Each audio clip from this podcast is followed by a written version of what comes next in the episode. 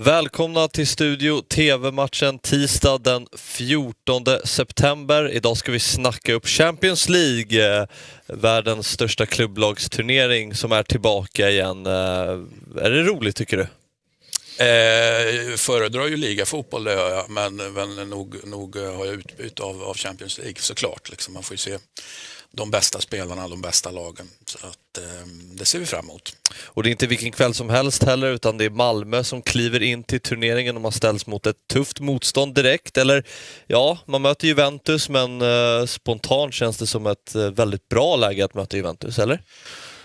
Ja, eller så är man då, ehm, så att säga, eh, ett skadeskjutet djur kan ju vara väldigt jobbigt att, att hantera och, och, det är ju så att Juventus är skadeskjutna nu. Det är klart att man är favoriter i den här matchen trots en svag start på, på säsongen och en, eh, en fullt ut bedrövlig match i helgen då mot, mot Napoli. Eh, sen var man inte speciellt mycket mer imponerande matchen innan det mot, mot eh, mot Empoli, men, men eh, matchen mot Napoli var ett riktigt bottennapp måste jag säga. Mm. Det var ett litet struligt fjolår eh, rent sportsligt. Man lyckades med nöd och näppe ta den här Champions League-platsen. Pirlo har bytts eh, ut mot Allegri, Ronaldo har lämnat. Vad, vad tror vi om Juventus? Kommer man växla igång eller hur är, hur är kvaliteten på, på ja, laget alltså, just nu? Hur mår Juventus?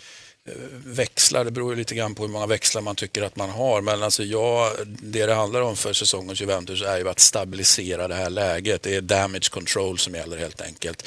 Eh, det är inte det är klart att det är, viktigt och bra om man skulle vinna ligatiteln, men det är liksom inte det det handlar om enligt mig, utan nu, nu ska vi se till att få, få det här stabilt helt enkelt. Så jag ser egentligen Allegri eh, 2.0 då som en jag ska inte säga interimstränare, men han får en säsong, två säsonger, kanske, kanske tre och sen ska då nästa liksom, stora Juventus-tränare då uppenbara sig. Så att, eh, det här har hänt tidigare i historien. Juventus har försökt spela offensiv fotboll eh, och då fick man ta tillbaka eh, Trapattoni på den tiden som hade varit i första session, tio fantastiska säsonger. Eh, och sen fick han komma och stabilisera saker och ting vann, vann inga ligatitlar då 91-94 men det stabiliserades och det är det som är Allegris uppgift också. Att, eh, men med det sagt så kanske de kan hitta på någonting kul då i Europaspelet, vem vet?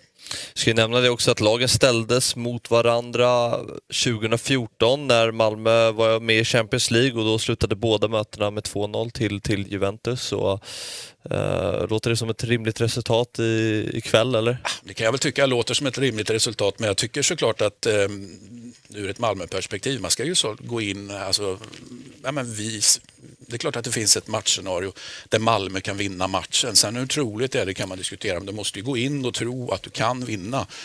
Eh, och jag tänker nu när man har på och, och schabblat i allsvenskan så, kanske, så tänker jag att man kanske har fått tändvätska här faktiskt. Att, ja, men, vad håller vi på med? Liksom, att man är förbannade helt enkelt nere i, nere i Malmö och, och att det är bra tändvätska. Jag känner faktiskt att det är det. Mm. 21.00 alltså på Eleda stadion eh, och ni ser matchen på Simor.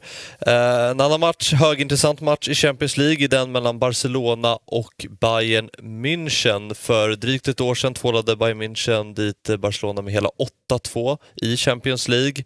Eh, och det har varit en stökig sommar för eh, Barcelona. Messi har lämnat och nu eh, Antoine Griezmann har lämnat.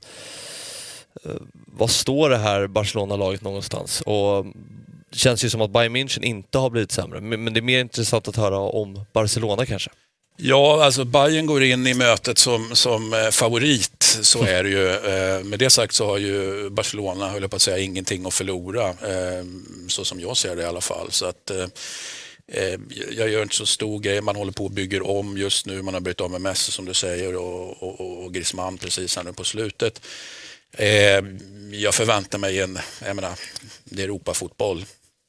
Det är Barcelona, även om du nu hänvisar till en 2-8 historia mm. som, som då var förra säsongen så så eh, jag menar, de här båda klubbarna, men kanske extra mycket eh, Barcelona, har ju liksom Europafotboll i sitt DNA helt enkelt. Så att, jag tror att väldigt många tror att, att det är en lätt match för Bayern München att vinna. Det tror inte jag.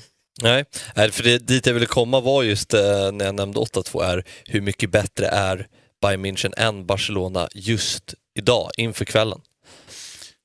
Ja, de är ju bättre, men, men eh, det behöver inte betyda att det, att det räcker till seger här heller. Faktiskt. Så jag, jag, tycker att det känns intressant att fingra på det här att, att Barca kanske ändå går segrande ur striden eller i alla fall klarar oavgjort.